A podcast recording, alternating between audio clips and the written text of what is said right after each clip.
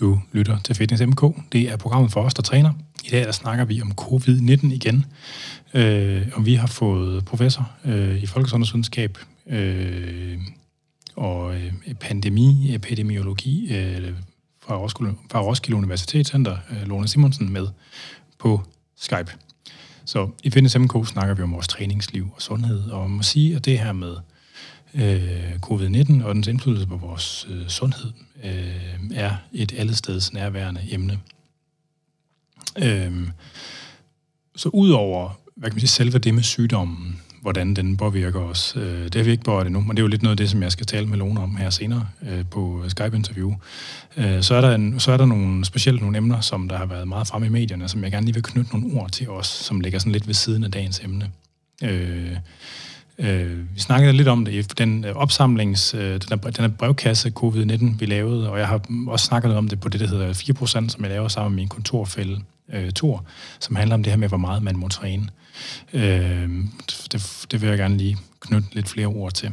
Så det er sådan, at der er lavet en del forskning, der kigger på forskellige tiltag. Der er, der er ikke forsket særlig meget i, hvordan forskellige tiltag påvirker øh, risikoen for at få øh, for, for covid-19. Det, der er kun lavet sådan noget retrospektivt noget, der ved man, at folk, der er sukkersyge og høj blodtryk og overvægtige og gamle og sådan noget, at de, er en øget, de har, har en øget risiko.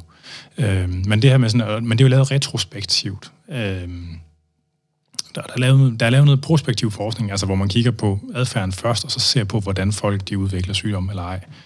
Øh, I stedet for at se, om folk har fået sygdom, og så kigger bagud, hvad de har lavet før. Øh, og der er noget af det, der har været på spil og har talt meget om der, det vil blandt andet være det her med, hvor meget man må træne.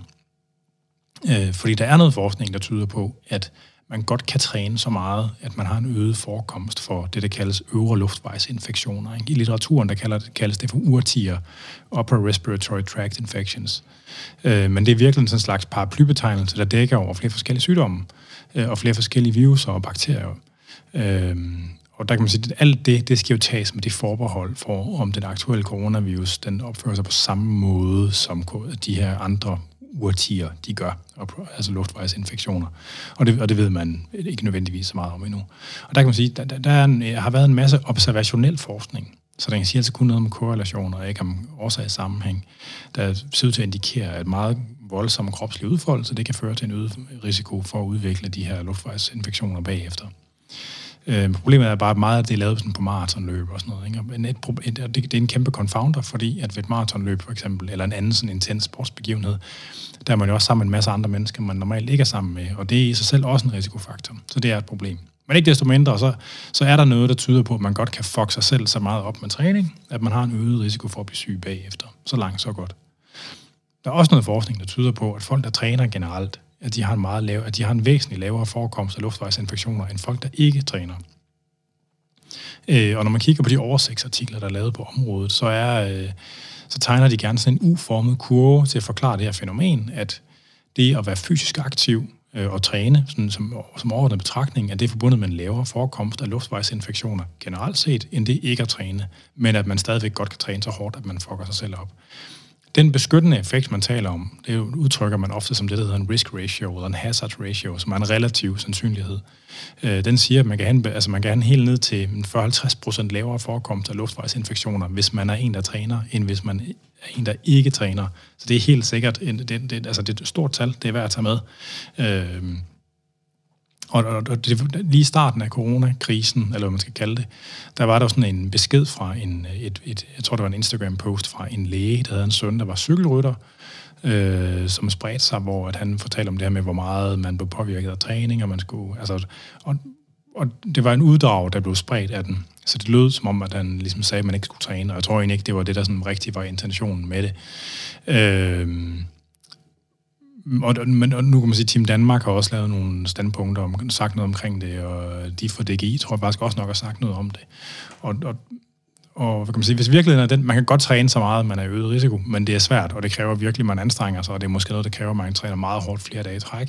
Men at træning i sig selv mindsker risikoen for luftvejsinfektioner, og dermed måske, eller endda sandsynligvis risikoen for covid-19, så er der grund til, at man bliver ved med at træne. Det er der en rigtig god... Altså det er i hvert fald det vil være sløjt at stoppe, hvis man har muligheden for at træne i øvrigt. Øh, så det var egentlig bare lige det, at, at øh, hvis man er i gang med at træne, så skal man skulle blive ved. Og, men, men det er måske ikke nu, at man skal gå ind i sådan en planlagt overtræningsfase eller sådan noget. Det var den ene ting. Den anden ting, det er øh, et studie, der var viralt her for et par uger siden. Vi snakker lidt, jeg snakker lidt med Lone om det også hvor man har kigget på sådan nogle slipstrømsdynamikker med, hvordan at, øh, øh, at, at dråber fra udåndingsluft breder sig i, øh, i slipstrømmen efter løber og cykelryttering, som blev viralt og blev brugt som sådan et argument for, at man øh, i hvert fald ikke skulle køre på, øh, køre på øh, hvad hedder det, køre i slipstrøm og andre på cykel, eller løbe lige bag ved andre, køre på slæb. Øh, og det der, det, der var med det her studie, det var, at det, det her studie, det var, blevet, det var blevet spredt fra sådan en preprint archive, altså før det har været udsat for fagfældebedømmelse. Øh, og det gør, at der, måske, at, der, at der er en større risiko for, at der er kvalitetsproblemer knyttet til det. Øh, og sidenhen så har der været udsat for kritik i danske medier, også hos ingeniøren og hos, øh, hos flere andre blade, hvor fagfolk øh, udtaler en vis kritik omkring det, og den her model, man har brugt til at modellere øh, den her, det her slæbstrømsting, øh, at, den, at man ved ikke, hvor meget den reelt set hænger sammen med den virkelige risiko for at indånde, altså dråber bagefter. Øh, så det er sådan, altså, det, det er ret tyndt, og man kan sige, nu er vi selvfølgelig også en tid, hvor der skal træffes mange beslutninger på sådan et uh, better safe than sorry grundlag, men, men, men det er faktisk ret tyndt. Øh, det, er bare, det er bare sådan, det er. Øh, så man skal, det, det, det, der, hvis, man, hvis, man har, hvis man har været et sted, jeg har været i kontakt med nogle uh, lærere på skoler, hvor man har truffet beslutninger på baggrund af, øh, på baggrund af det her studie om det med slipstrøm. Øh, og der, kan det være, der er der i hvert fald en grund til at lige følge med i, hvad der sker i efterspillet omkring den her artikel. Der har kørt en del i Twitter-sfæren, og det eneste, jeg kunne se sådan øh, ud over øh, det, det har så blandt andet været en direkt artikler på Vice og på Medium og på, øh, og på, i, i, på dansk i Ingeniøren. Måske har der været noget på videnskab.dk, det kan jeg faktisk ikke huske.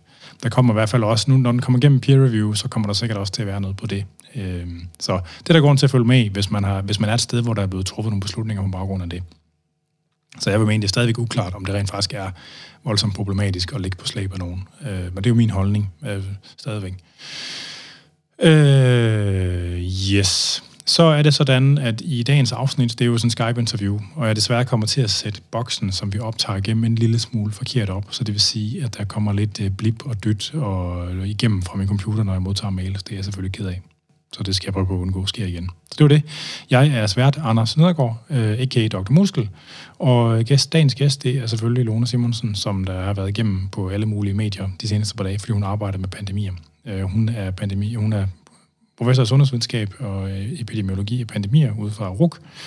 Og øh, hvis man øh, ikke kender hende, så burde man øh, kigge på det, der hedder Den Uafhængige Avis, hvor hun laver sådan dagligt, eller hver anden dagligt medie, med sammen med Asger Jul, altså den tidligere nyhedsvært fra Radio 24 som laver det, som jeg vil mene er den absolut bedste dækning af, af coronakrisen.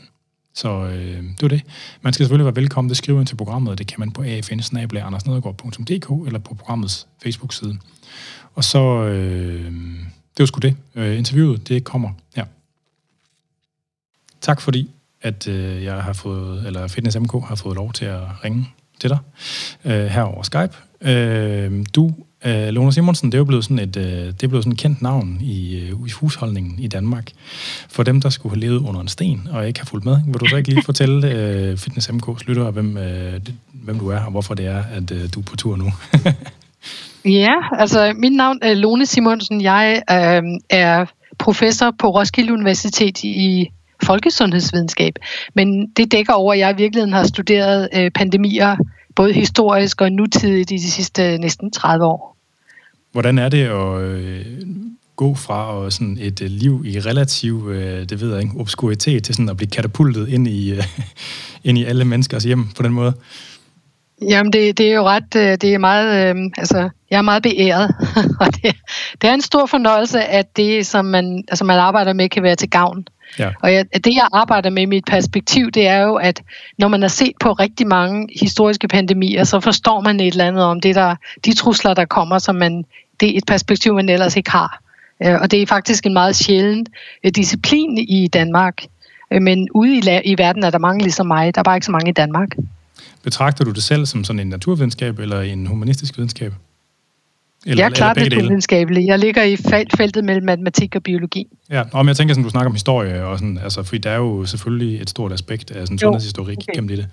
Jeg er nødt til ligesom at grounde mig i et eller andet sted, så mit, mit grundfelt er epidemiologi, epidemiologi, for ja. at udtale det ja, der, er, der er mange stavelser men, men jeg forstår i min øh, visdom, som jeg bliver ældre, så forstår jeg, at det bedste måde at bedrive epidemiologi, det er at gøre det med, på, med en, øh, et meget øh, øh, et tværfagligt team.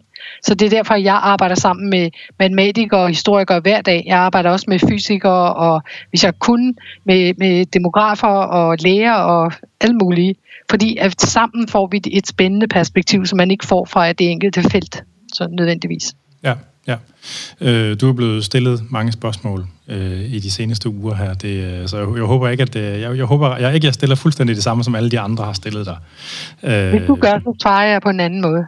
ja, bevares. Jamen, det er jo det er selvfølgelig... Jeg, jeg føler også, jeg, føler også sådan, jeg, jeg har jo også en rolle som en anden slags sundhedsdebattør. Jeg har også en sundhedsfaglig sådan, øh, akademisk øh, baggrund.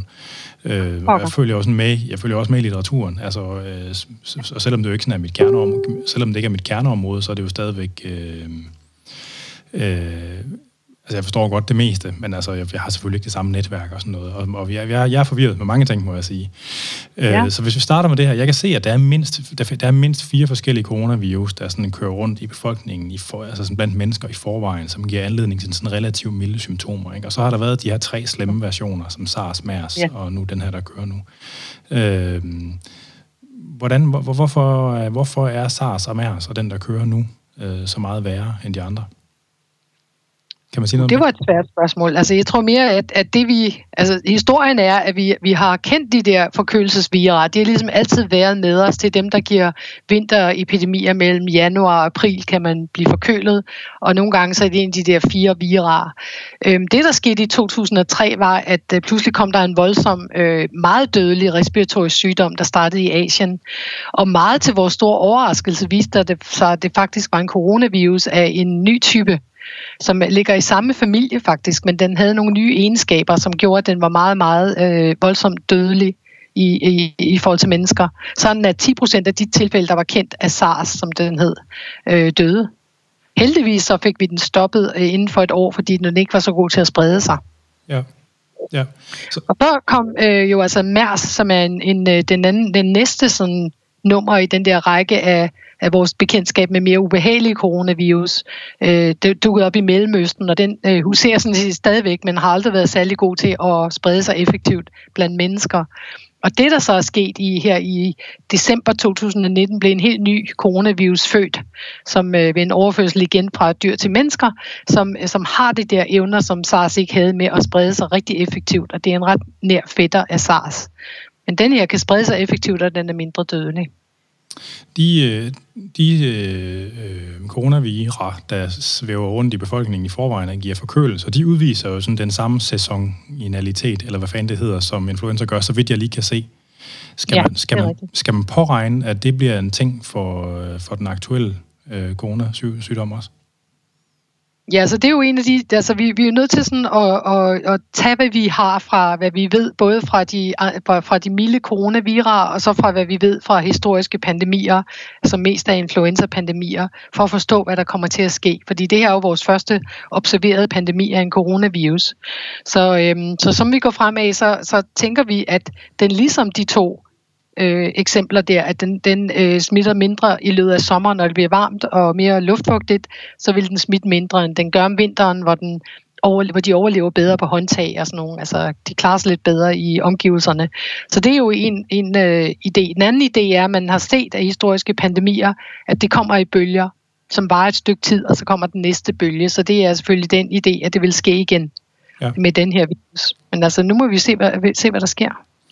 Øh, altså, som jeg forstår det, så kan, den, så kan, hvad kan man sige, viruspartiklerne kan komme ind på menneskers slimhinder på mange forskellige måder. Øh, hvad for, altså, der er jo direkte berøring og indirekte berøring og indånding af aerosoler og sådan noget. Og hvad for nogle af dem er det, der bidrager mest til øh, smittespredning for den aktuelle? Ja, det er jo respiratorisk spredning. Altså, det er jo øh, ligesom, den, er meget, den spredes meget på samme måde, som influenza gør, som er øh, fomitter, som det hedder. Altså de, de partikler, som man øh, udånder eller hoster ud, som er ret tunge, så derfor så regner vi med, at hvis man er længere end to meter fra hinanden, så, så har man lille risiko for at blive smittet af en person, man taler med, for eksempel. Den, den viden om de to meter, hvor, hvor, hvor valideret er det? Altså er det noget, man kan, det kalder sig, man har kunne teste i RCT'er, eller, eller kan give, hvad fanden ved jeg, give knaver, øh, aerosoler eller fomitter i forskellige størrelser, eller sådan. Er, er det testbart? Ved, hvor stærkt Ja, altså det, det, det er det. Man kan lave sådan nogle øh, fysiske eksperimenter, hvor man ser, hvor langt, øh, parti, hvor langt partikler kommer i et host, for eksempel. Det er sådan nogle øh, studier foreligger der. Det samme, når man øh, bare udånder, for eksempel. Der kan man også se. Og, men du skal lige lægge mærke til, at, at vi snakker ikke så meget om, om aerosoler med den her virus, selvom det formodentlig kan ske, så regner vi med, at det meste smitte er ved formitter. Det vil sige, den mere sådan, øh, det, den der slags overførsel, hvor man skal ret tæt på en anden person for at blive udsat for smitten. Så det er en reel dråbe, der ikke kan svæve, eller hvad? Dråbespredning hedder det på dansk, ja. okay. Ja, så men en aerosol, det er en dråbe, der er så lille, den kan svæve? Eller det er noget... Jamen, det kan ikke svæve mere end... Aerosol, det er, når dråber er bitte, bitte små, så, man kan, så det kan hænge i luften rigtig længe. Og det er noget, vi ikke kender fra influenza. Det er noget, vi kender for eksempel fra mæslinger, hvor, hvor at den er meget mere smitsom af den grund. Har det, noget, har det noget at gøre med, med, med virus øh, størrelsen, om den, kan, om den kan være i de dråber eller, eller ej, eller har det noget at gøre, eller hvad er det, der afgør det? Pas. Pas. Det ved jeg faktisk ikke. Men, men altså, jeg har... Altså, det man kan se, at der er nogle gange sådan et udbrud af den her nye coronavirus, hvor, det, hvor man undrer sig over, om det måske ikke var øh, aerosol, aerosol, altså et enkelt eksempler på, at den kan øh, smitte som aerosol. Okay. Øh, det kan ske indimellem. Jeg har haft kig på et udbrud i, øh, i uh, Washington State i USA for eksempel, hvor et kor mødtes i bare to og en halv time, og sang sammen under, og de var forsigtige med at komme tæt på hinanden. Og ja. hvad sker der? De fleste bliver så smittet i løbet af de to og en halv time, de var sammen der. Okay, interessant. Så hvad, ja, og, og det ved vi, vi ved simpelthen ikke så meget om det, men det får mig til at tænke over, om det er mere, øh, øh, om man smitter mere, når man, når man for eksempel sådan, når man synger indånder dybt og udånder dybt. Ja. Det er vel også det samme, når man øh, laver sport? Det, det kunne man nemlig meget nemt forestille sig. Øh, men, men hvis man sådan kigger ud på... Det er noget, du interesserer dig for, forstår jeg. øh, ja, på en eller anden måde, det må man hellere sige ja til. øh, men, men hvis man sådan kigger på befolkningen, altså nu er der jo 100.000 vis, millionvis af smittet, altså findes der nogle estimater på, hvor mange af dem, der er smittet øh, på grund af noget berørings- og tværser rundt i ansigtet, og hvor mange, der skyldes indånding? Altså kan man fordele det på den måde? Nej, eller? det kan, man, det kan man simpelthen ikke, nej. Så hele det her fokus... Men man kan jo se sådan et, næsten et, et eksempel på, som det der øh, kor, jeg lige giver, det er jo, de har jo ikke rørt ved hinanden, og de Nej. har ikke rørt ved noget sammen, som var smittet, så det må have været gennem luften. Så øh, hvor meget der foregår sådan i almindelighed fra øh, dørhåndtag i forhold til at, at smitte ved, at man har øh, blevet hostet på, det, det tror jeg ikke foreligger. Nej. Hvad med, altså nu, jeg antager, at så må der være en kæmpe stor forskel på at være indendørs og udendørs på grund af den almindelige luftbevægelse, hvor hurtigt fører tingene væk, eller hvad? Ja, Ja, det skulle man tro. Altså, vi har også øh, siddet og let efter øh, øh, for eksempel litteratur om, om det er bedre at gå i skovbørnehave end i almindelig børnehave for influenza og forkølelse for eksempel. Ja. Og der kan man godt finde studier, der viser, at det er bedre. Altså børn, som er udendørs rigtig meget, øh, klarer sig at få mindre øh, forkølelse og, og sådan nogle respiratoriske sygdomme end, end, end, end børn, som er i, i traditionelle institutioner. Men altså, om det holder for den her virus, det, det ved vi så ikke. Nej. igen. Og der er også mange mulige ja. confounders, der kan gemme sig altså sådan i det. Ja, men det er jo altså helt utroligt. Vi ved mange ting heldigvis, men der er også mange ting, vi ikke forstår endnu. Øh, så, hvad så, hvis man så taler om indendørs scenariet? Hvor meget betyder ventilation så? Altså, øh, eller hvor, hvor stor en del af luften i et rum, der bliver udskiftet per time? Altså, er der, er der nogen, der har lavet noget på det? Pas. Det ved jeg. Fordi det er jo virkelig ret interessant, altså, eller, eller i forhold til det her med genåbning af motionscenter, som jo er sådan en, øh, en for mig nærliggende... Og det er det, du sidder, oh, okay, ja. Ja, altså det har, det har jeg også tænkt på. Jeg glæder mig meget til, at jeg skal i fitness igen. For, for, men, øh, mm, jeg, har, jeg har tænkt jeg på... Ved ikke, hvad det Nå, undskyld, du taler først. Nå, men jeg tænker bare, at altså, det er klart, at, at øh, det er en, en situation, hvor man indånder og udånder rigtig dybt, og man sveder, og man kommer tæt på hinanden i sådan nogle spinningklasser har der været. Så altså, man, skal, man skal gøre det her på den, når det bliver åbnet, så skal det gøres på den ordentlige måde, så man øh, minimerer den risiko, at man har for at komme tæt på andre og røre ved de samme ting. Så sådan noget med at spritte bliver jo vildt vigtigt, og, og sådan noget med at holde udluftning i lokalet, vil jeg da også mene var rigtig vigtigt. Det var for eksempel det, man, man nu, altså nu hvor tandlægerne åbner øh, igen, der er det et af de redskaber, de skal bruge for de har også noget, noget altså en rigtig tæt, smit, tæt, tæt kontakt med patienterne. Så, så de skal kunne dokumentere en vis ventilation, eller hvad?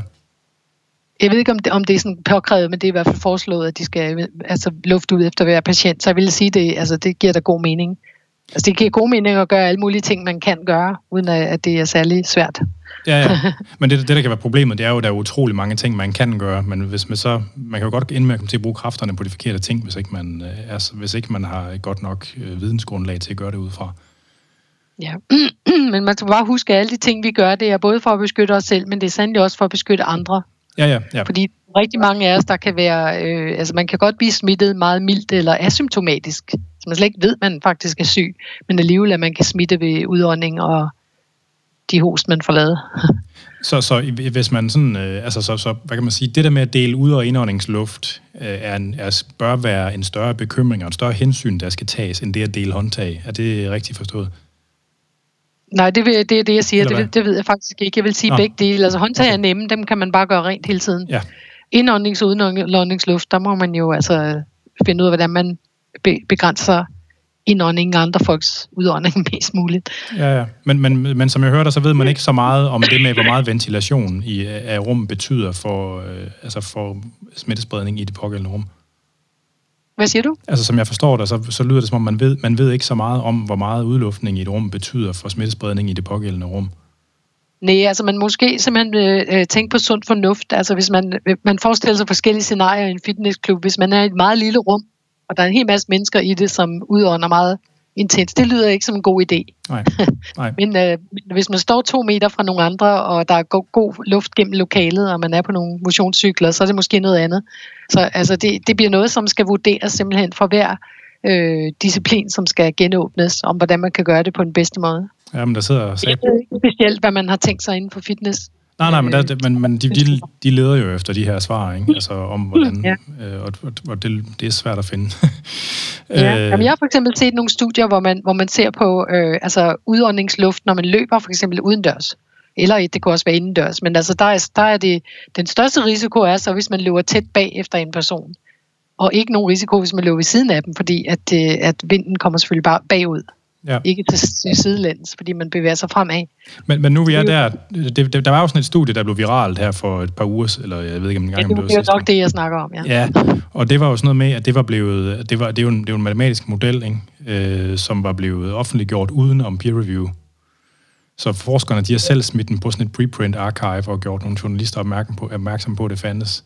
Altså, hvor der var flere folk. Ja, men altså, det er jo situationen her, at det meste af det, jeg sidder og læser, og, og som, hvor jeg tror faktisk, at, at, at jeg, jeg læser selvfølgelig kritisk, men altså, der er mange af de ting, de simpelthen, vi har behov for, vi, for information så hurtigt, at mange ting sidder tit på de der arkiver, og det er der, det, det er, når man starter med at læse det. Ja, men det er, det er jo sådan lidt et, jeg, jeg, synes jo, jeg synes jo sådan, hvad kan man sige, epistemologi og bibliografi sådan er ret interessant, altså, men der sker jo nogle ret vilde ting omkring den måde, hvordan publikationssystemet og hvordan den der viden spredes nu, altså, at ting, de bliver... Ja, men altså tænk på, hvordan det er jo faktisk en, en uh, fantastisk uh, dejlig revolution, der er sket. Altså hvis, når, nu har jeg været i gang med det her rigtig mange år. Hvis jeg tænker sådan 20, 10 år tilbage i tiden, der tog det virkelig sådan måneder fra man øh, havde en eller anden idé, og man lavede et manuskript til, man faktisk fik det publiceret, og andre kunne se det. Og så fik vi indført noget, der, der er sådan øh, meget hurtigere, sådan nogle online øh, øh, journals som inden for vores felt, hvor man, hvor man kunne komme ud med noget, der virkelig var vigtigt nu. Sådan som for eksempel ja. jeg skriver en artikel der, og i morgen ligger den på nettet, så andre kan se den med meget let peer review, eller på et par dage i hvert fald. Ja. Og det her, det er nu endnu hurtigere, at man kan lægge det op i arkiver. Altså, vi gør det også selv med vores artikler, når vi synes, det er vigtigt, at folk sætter hurtigt.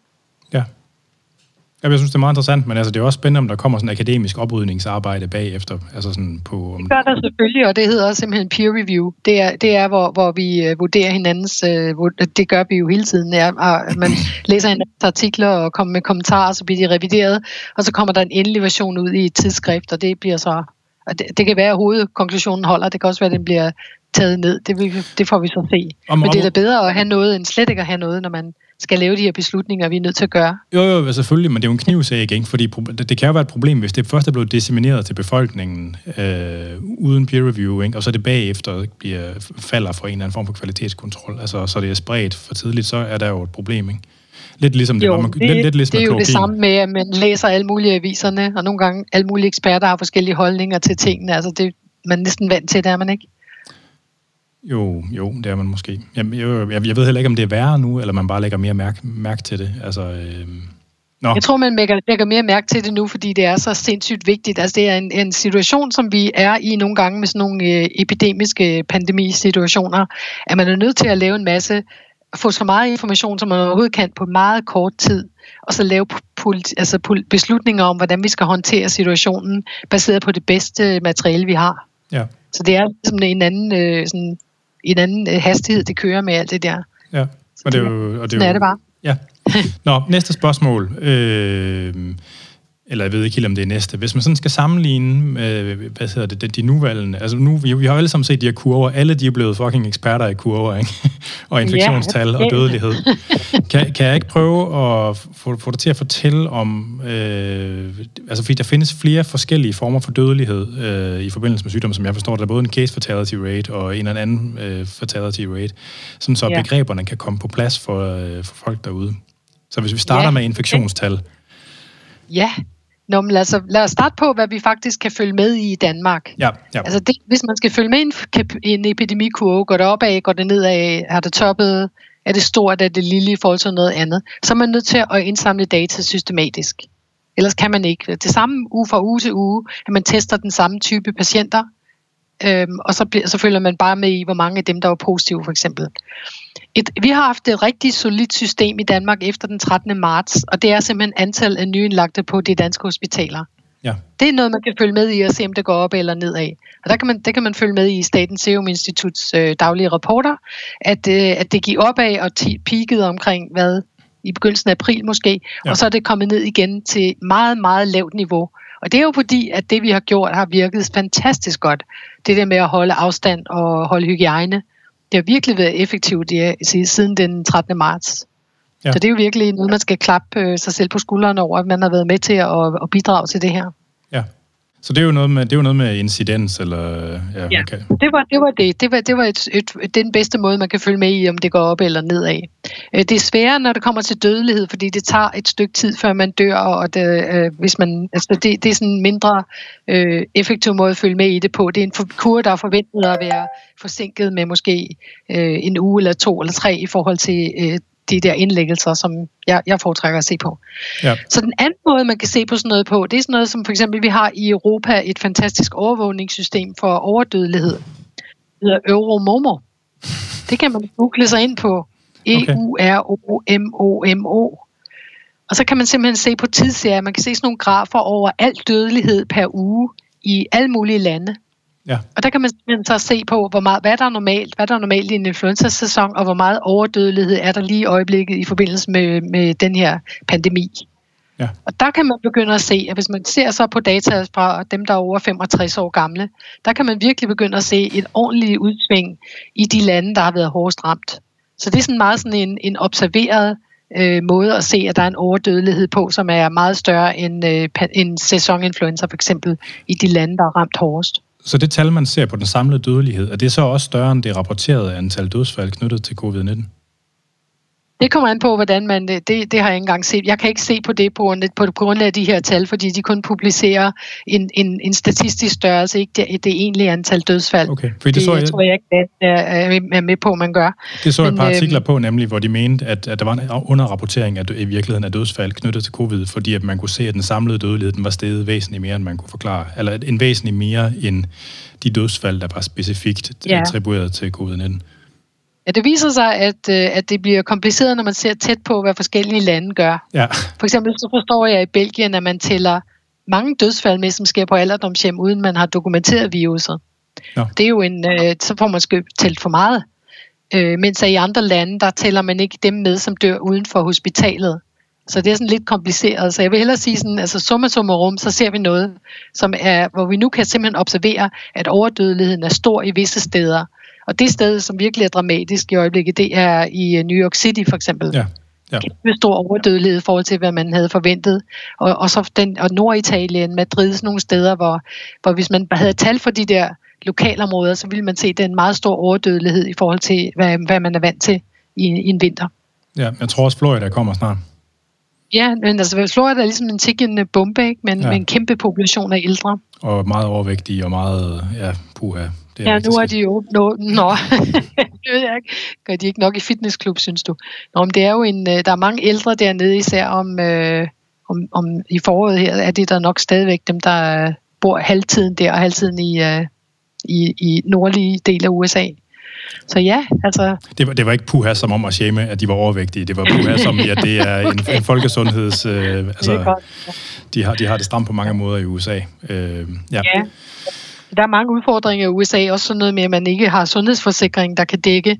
Så hvis man kommer i intensivafdeling og kommer ud igen, så kommer man måske falde lidt bagefter, ja. på grund af, at det er meget, meget dyrt det der. Selvom man har forsikring, så skal man selv betale noget af det. Det kan blive en dyr affære. Så øh, der, der, de har nogle helt andre udfordringer, end vi har i Danmark, selvfølgelig. Ja. Så, øh, så der, findes flere, der findes flere forskellige altså mortalitet. Så er en til, som ja. jeg ikke har fortalt om. Den sidste, det er en, som, som er, er ud af 100 patienter, ud af 100, der får infektionen, hvor mange procent vil dø. Ja det er jo et, det er noget, der hedder case fatality, eller, øh, eller, eller klinisk dødelighed, eller et eller andet. Det er et tal, som, som vi har fået, det er det, man får først, inden man har de her euromomer, der begynder at rulle ud, hvor mange der er døde. Øh, der er lidt forsinkelse i sådan nogle data, og i det hele taget forsinkelse i at dø. Øh, men, men det vi først fik data fra, jamen altså fra man bliver smittet, ja, ja, ja, ja, det kan tre uger.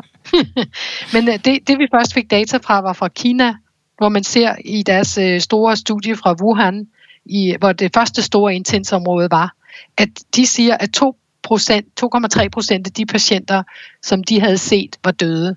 Så er ligesom gået over og tænkt, åh gud, det kan være, at 2,3 procent af, af alle dem, som får den her sygdom, dør af det. Men heldigvis så forstår vi nu, at mørketallet, der er kæmpe mørketal, der ikke er regnet med i det der. Og det er alle dem, som har milde symptomer, eller som slet ikke har nogen symptomer. Ja. Og det viser sig, at der er rigtig mange af dem. Måske er der ni for hvert tilfælde, vi har fundet i, i, i Kina for eksempel.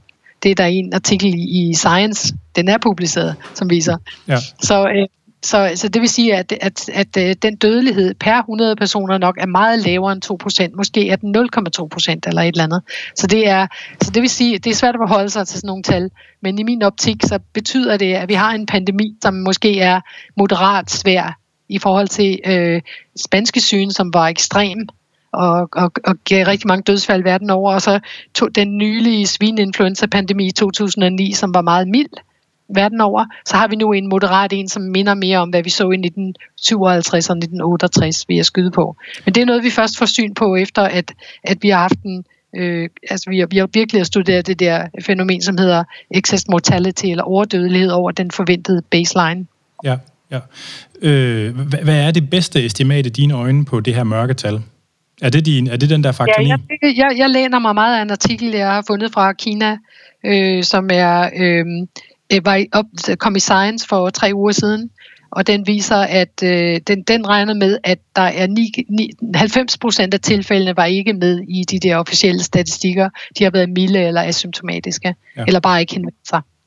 Er der nogle tal fra Italien eller nogle af de andre lande, hvor man kan se om, altså der kan jo godt være nogle demografiske forhold, der påvirker, hvor mange der bliver symptomatiske eller ej. Er der nogen, nogen, er der nogen grund til at tro, at det er anderledes i andre lande? Altså det, det man kan, det vi, altså det, i, i øh, Island har vi fået rigtig godt kig på, hvor, hvor, hvor mange der bliver inficeret, og hvor mange der er, øh, er mildt smittede. Og det er fordi islændinge har testet utrolig meget. Så, og de ser faktisk, at, at hvis de bare tester tilfældige mennesker, som henvender sig, fordi de gerne vil testes, så er cirka 50 procent øh, tester positivt. Af dem, der tester positivt, har 50 procent slet ikke nogen symptomer. Og det vil sige, at, at man kan godt have et meget mildt forløb af den her. Det er virkelig vigtigt at huske, at de fleste får et mildt forløb, især folk i din demografi måske, der, altså folk, der er yngre, øh, øh, unge mennesker og børn, har en meget lille risiko for, at der sker noget alvorligt med under ja. den her pandemi. Det er en, der, når man ser på dødelighed, i alle de lande, hvor vi har set på dødelighed, der er det ældre med, med flere kroniske risikofaktorer, som dør mest. Ja. ja.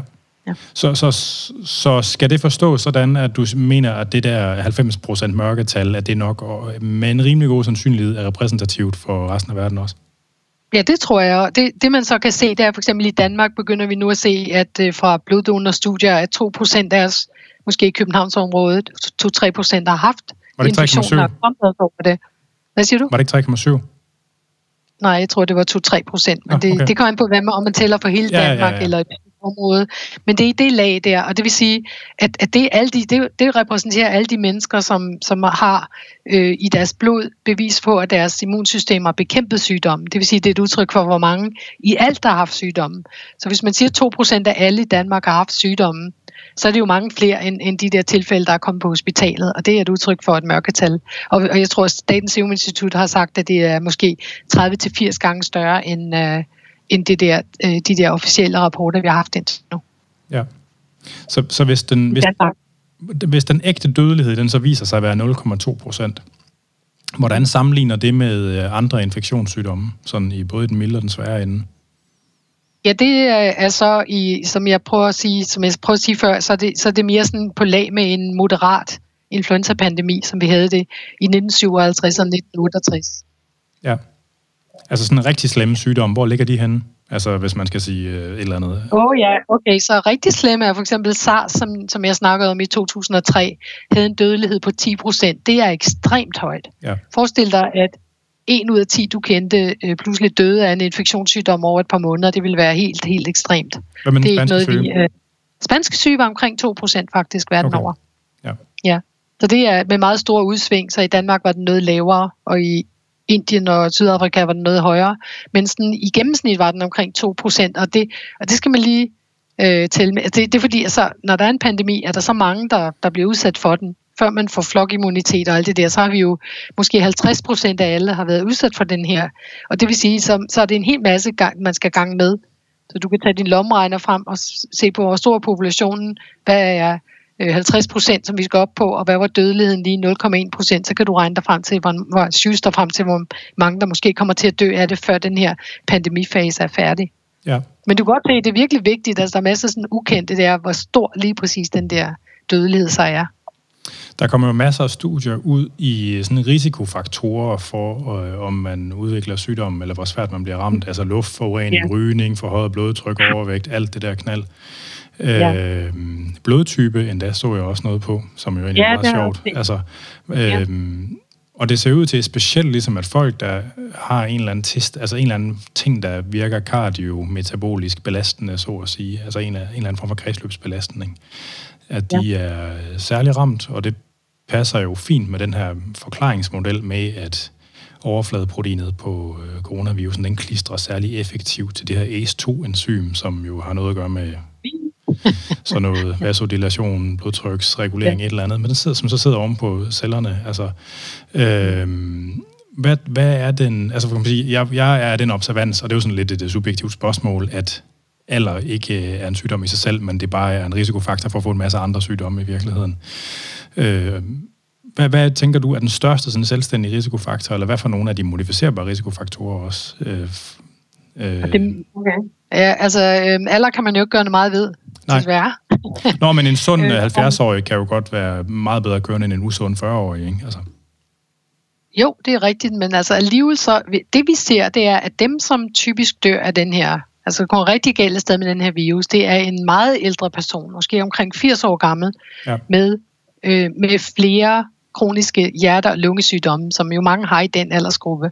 Ja. Øh, men man ser ikke så mange unge, som, som øh, kommer rigtig galt afsted. Det er faktisk ret sjældent. Ja. Så jeg vil ikke tro, det er altså, en kæmpestor risikofaktor at have diabetes ved 20 år, for eksempel. Det er meget ja. værre at være 80 år og have et eller andet. Ja. Ja. Så det er, altså, det, er, det er noget, som, som vi kommer til at forstå bedre, som, som vi ser på talmaterialet af de der intensivpatienter og dem, der døde i Danmark for eksempel. Altså jeg tror, at Sundhedsstyrelsen har, har øh, altså, og Statens Serum Institut vil se mere i detaljer på de der risikofaktorer. Hvad er det egentlig, der er med de patienter, som har været indlagt? Er det en bestemt type andet end alder? Ja, ja, ja. Der kører jo alle mulige konspirationsteorier, som du utvivlsomt øh, har været udsat for allerede, og sådan som, øh, hvad skal jeg kalde det, sundhedsdebattør, så har, så har jeg jo ligesom taget min slag allerede ude på sociale medier. Ja. Øh, og jeg så det her studie fra øh, den danske-amerikanske forsker Christian G. Andersen, hvor de sekventerede genomet, og øh, øh, det er jo sådan, det var ham, der ligesom, det er vel ham primært, der står på mål for at sige, at det her, det ligner bestemt ikke noget, der sådan er designet som et biovåben. Øh, nu, og nu, nu ja. forklarer jeg det, som jeg forstår det, så må du rette mig, hvis jeg, hvis jeg har misforstået det. Ikke? Som jeg forstår ja. det, så har man ikke modelleret den molekylære interaktion godt nok mellem det her overfladeprotein på coronavirus og ACE2-enzymet, til at man vil prædiktivt kunne lave den perfekte sekvens til at binde til ACE2.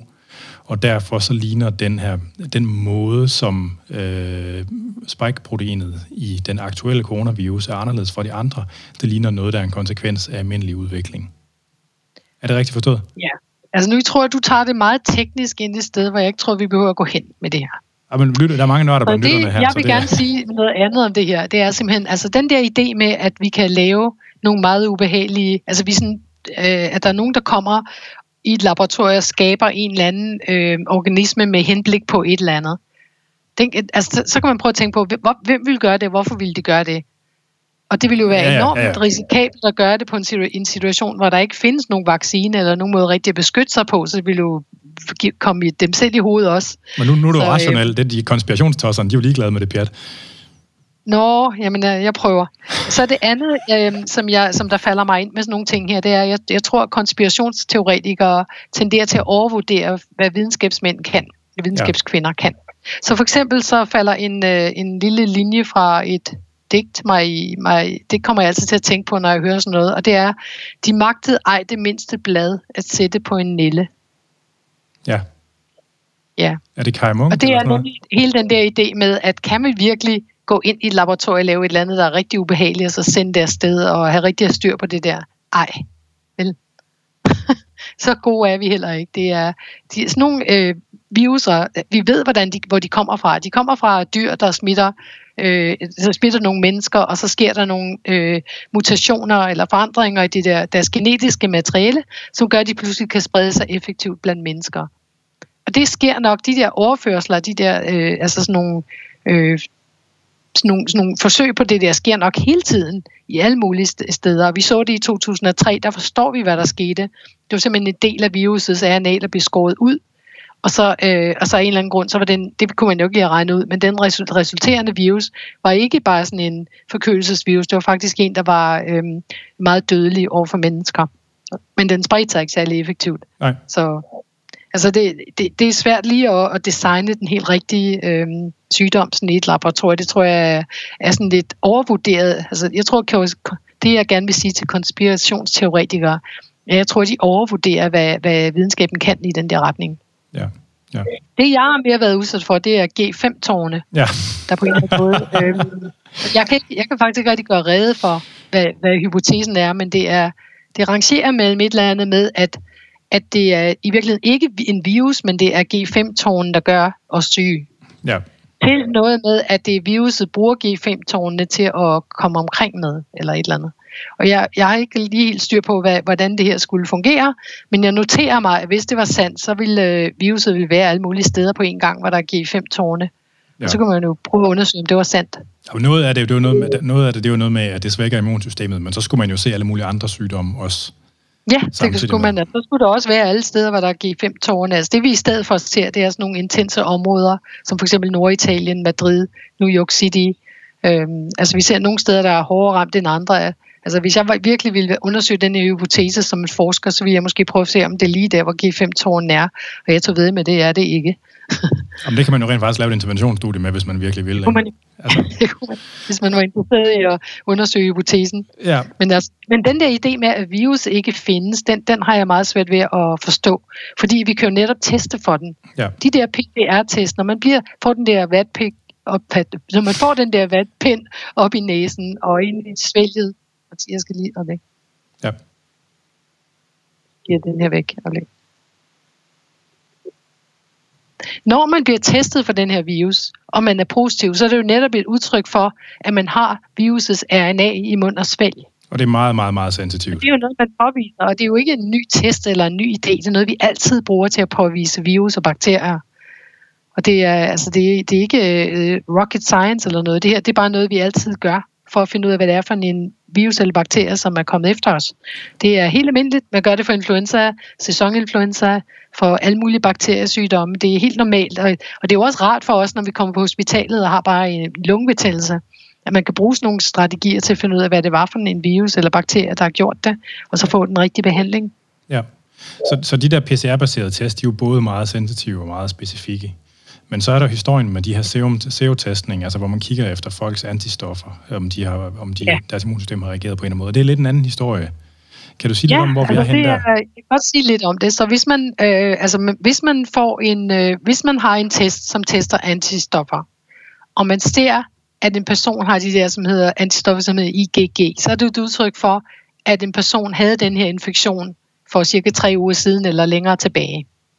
Og siden vi har en stopklods, fordi at viruset blev født i december 2019, så man har altså haft den her infektion mellem december og, og april i ja. år. Ikke? Ja. Så det, det, det ved man. Det, det, der er, det er ikke, så kan man sige, hvor, hvor præcise de der test. Det er der så nogle spørgsmål om.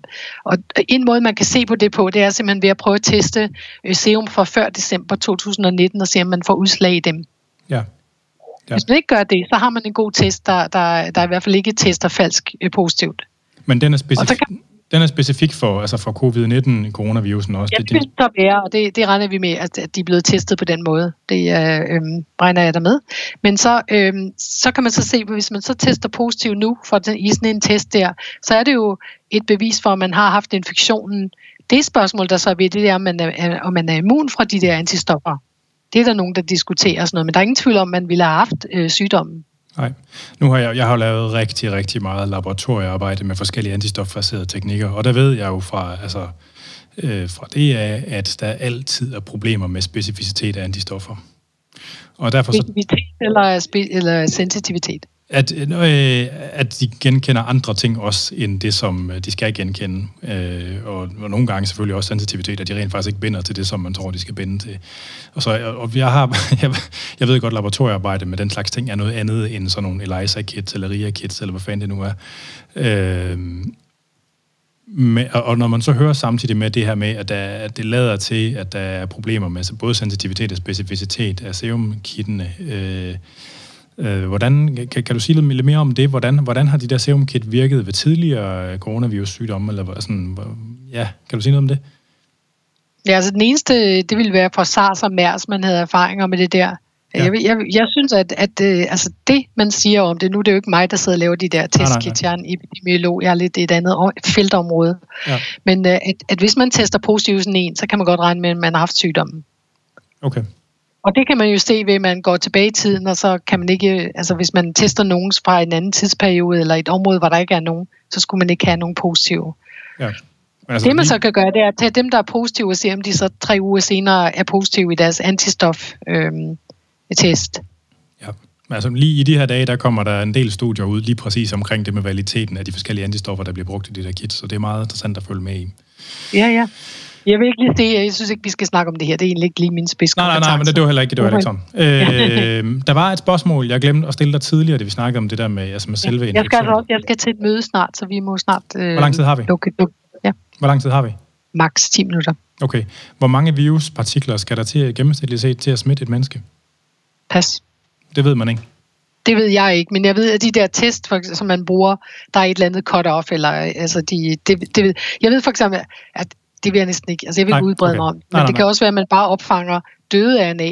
Øh, altså, jeg oh, tror, ja. de er ret sensitive i virkeligheden. De kan fange meget lidt, men ja. ikke selvfølgelig meget, meget lidt. Og jeg ved ikke, hvor, hvor grænsen ligger. Nej, nej. Det ved du måske mere om, hvis du har været i laboratoriet med det. Oh, øh, jeg har ikke været i laboratoriet med det der, men altså, men altså i princippet et PCR-kit kan jo fange et enkelt molekyle. Altså, Nemlig. Og det, er jo, og det er jo, det er jo, det er ja. jo sådan, det er. Øh, nu, nu, er der jo, nu bliver der sået sådan lidt tvivl om, nu må du, og du må sige til, hvis det er uden for dit område også det her, men der er jo en del, der snakker om det her med, at man ikke får et særligt robust immunreaktion på en coronavirusinfektion generelt. Øh, og, ja. og det måske sætter nogle mørke udsigter for udviklingen af vacciner. Øh, kan du sige noget om det? Eller falder det udenfor? Øh, Ja, det, altså, det kan jeg godt prøve. Altså, men øhm, det vi ved om immunitet ved øh, coronavirus er nok mest fra SARS og MERS. Ja. Øhm, fordi der har ikke været så meget studier af de almindelige coronavirus, fordi de er, så, det er bare forkølelse, de giver. Det er ikke sådan, sådan et, stu- et stort forskningsområde på samme måde. Nej, nej.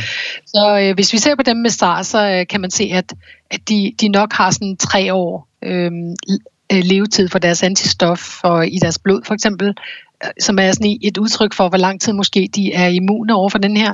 Men jeg vil sige, at der er mange spørgsmålstegn ved det. Vi ser for eksempel i, øh, i ældre, som er immune, som ret klarer sig meget godt igennem en af de der influenza-stammer, som er vendt.